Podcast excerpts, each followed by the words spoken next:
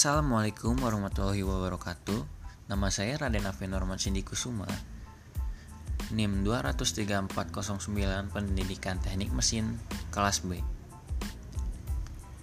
Kali ini saya akan membuat podcast sejarah perkembangan psikologi serta aliran-alirannya. Psikologi ini bermula dari konsep sederhana yang kemudian terus dikembangkan dengan pemikiran kritis oleh para ahli psikolog. Psikolog kemudian berkembang menjadi ilmu pengetahuan yang mempelajari tentang kejiwaan dan respon tingkah laku manusia dengan lingkungannya. Sejarah perkembangan psikologi dibagi menjadi beberapa periode zaman dari mulainya pra berdirinya psikologi hingga psikologi seperti yang dikenal saat ini. Berikut adalah ulasan sejarah perkembangan psikologi. Yang pertama itu periode pra berdirinya psikologi. Psikologi sendiri berasal dari bahasa Yunani kuno yang memiliki arti jiwa dan kata sehingga diartikan keilmuan yang mempelajari tentang jiwa dan mental. Psikologi sendiri bersifat abstrak akan tetapi sifat ini memiliki batasan pada manifestasi dan ekspresi dari jiwa. Sifat itu berupa tingkah laku atau proses melakukan kegiatan. Sehingga psikologi didefinisikan sebagai ilmu pengetahuan yang mempelajari tentang perilaku dan proses kejiwaan manusia. Psikologi memiliki kisah perjalanan yang panjang, bahkan sebelum Wundt mendeklarasikan tentang labnya pada tahun 79 yang dipandang sebagai kelahiran psikologi sebagai ilmu. Psikologi dapat dikatakan sejalan dengan perkembangan intelektual di Eropa. Berdasarkan pandangan tersebut, sejarah psikologi dibagi menjadi beberapa periode dengan para tokoh di dalamnya. Yang kedua itu psikologi sebagai ilmu yang otonom.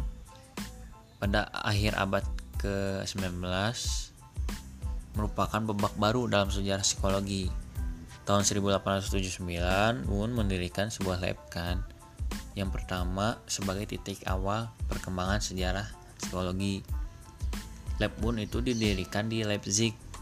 Bun juga memperkenalkan metode introspeksi yang digunakan dalam penelitian-penelitiannya.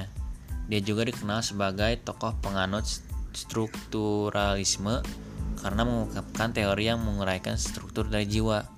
Wun percaya bahwa jiwa terbentuk dari elemen-elemen kemudian memiliki mekanisme penting yang menghubungkan antar elemen kejiwaan sehingga membentuk struktur jiwa yang utuh dan disebut asosiasi. Oleh karena itu, Wun juga disebut sebagai tokoh asosianisme.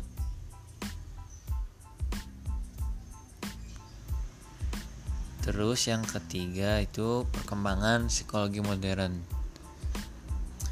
Sejarah perkembangan psikologi berisi mengenai pendapat-pendapat para tokoh-tokoh sejarah ilmu jiwa yang menjelaskan mengenai kejiwaan. Terbentuknya psikologi modern tidak terlepas dari pengaruh para tokoh-tokoh psikologi di masa lalu. Aliran modern yang muncul pada perkembangan psikologi adalah strukturalisme. Strukturalisme ini adalah awal munculnya penyataan psikologi sebagai disiplin ilmu yang bersifat otonom dan dibangun menggunakan lab penelitian. Namun karena banyaknya pendapat dan pertentangan maka munculnya banyak aliran-aliran psikologi lainnya yaitu fungsia, fungsionalisme, behaviorisme, gestalt psikologi, psikoanalisis, humanistik psikologi. Nah, yang ini adalah aliran-aliran psikologinya. Yang pertama itu strukturalisme. Psikologi pertama kali dikembangkan di lab Wundt sebagai bapak pendirinya dengan meneliti mulai dari filosofi yang terkaitnya dengan kejiwaan dan mencapai tujuan untuk memajukan ilmu pengetahuan. Metode introspeksi di, digunakan secara eksperimental untuk melakukan penelitian secara analisa. Tujuannya untuk menentukan pengalaman kesadaran dengan mengobservasi dan menganalisa unsur-unsur tertentu. Terus yang kedua, fungsionalisme. pelopor aliran fungsionalisme adalah William James. James beranggapan bahwa pendapat pun keliru apabila percobaannya lebih berpusat pada penemuan struktur dan bukan kesadaran atau respon manusianya. Aliran ini beranggapan bahwa kelangsungan hidup seseorang merupakan jiwa kehubungannya dengan lingkungan. Secara dinamis, aliran ini juga merupakan proses mental men terjadinya aktivitas psikologi tujuan dan fungsi. Terus yang ketiga adalah behaviorisme. Behaviorisme masuk sebagai gerakan atau aliran psikologi yang kuat dan cukup berpengaruh. Pendiri aliran behaviorisme ini adalah John B. Weston. Aliran ini fokus pada gejala-gejala kesadaran atau di bawah alam sadar. Akan tetapi, masih sesuai dengan tugas psikologi yang berusaha mengamati bentuk tingkah laku dan bagaimana tingkah laku seseorang dikendalikan. BF Skinner menyatakan bahwa lingkungan merupakan kunci penyebab terbentuknya suatu lingkah tingkah laku atau respon manusia. Untuk dapat lebih dalam memahami manusia, maka kita perlu melihat lingkungan tempat manusia itu hidup. Terus yang keempat itu ada gestalt psikologi. Aliran ini merupakan suatu bentuk pandangan yang terstruktur dan strukturalisme. Pemikiran Gestalt membentuk suatu pola atau dasar sebagai unit kesatuan sedangkan alat yang mendasarinya adalah persepsi dari hasil pengamatannya. Terus selanjutnya ada psikoanalisa. Aliran ini muncul pada tahun 1900-an. Psikologi dikembangkan awalnya dari dasar tinjauan klinis psikiatris dari aliran psikoanalisa. Psikoanalisa diawali oleh Sigmund Freud, seorang psikiater dari Australia. Pengobatan dilakukan untuk pasien dengan gangguan kejiwaan dan teori kepribadian itu muncul sebagai pendekatan psikoterapi dari berbagai pasien dengan gangguan mental yang berbeda. Terus yang terakhir itu ada aliran humanistik psikologi. Aliran humanistik merupakan bantahan dari kekurangan-kekurangan yang ada di aliran behaviorisme dan psikoanalisa.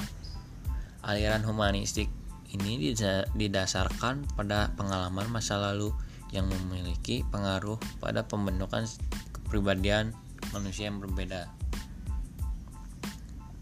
Namun tetap perlu diakui bahwa keinginan manusia untuk bebas dalam membuat keputusan bagi dirinya juga merupakan penentu pembentukan kepribadian diri sendiri. Humanisme lebih menitik beratkan pada perkembangan manusia dengan faktor subjektif seperti gambar diri seseorang. Penilaian akan tingkah laku, pengamatan terhadap respon, cita-cita ideal, dan lainnya. Keenam aliran besar ini diuraikan menjadi konsep keilmuan psikologi yang menunjukkan perkembangan dalam mempelajari kejiwaan manusia Para psikolog yang tidak menganut aliran ini akan mengembangkan atau menggunakan teori psikologi lainnya. Teori psikologi terpilih memiliki sifat yang lebih objektif guna melengkapi dan menyempurnakan pemahaman dari masing-masing teori psikologi. Tahapan perkembangan sejarah psikologi dimulai dari psikologi, psikologi sebagai ilmu otonom sampai pada psikologi modern yang sudah dikenal dan digunakan dalam berbagai ilmu saat ini. Semua itu tidak lepas dari peran-peran tokoh terdahulu. Keilmuan psikologi yang mempelajari fokus tentang kejiwaan manusia ini pun mendapat kritik-kritik dan perbaikan perbaikan sehingga mencapai pada keyakinan keilmuan yang dipercayai secara luas atau lebih global. Berbagai pertentangan muncul pada zamannya sebagai bentuk perkembangan dari berpikir kritis dalam menilai suatu teori baru untuk pengembangan ilmu pengetahuan. Maka begitu berarti keilmuan, keilmuan psikologi modern yang digunakan saat ini dalam penerapannya berkaitan dengan mempelajari kejiwaan manusia dan respon lingkungan serta tingkah laku sebagai efek dari kejiwaan tersebut.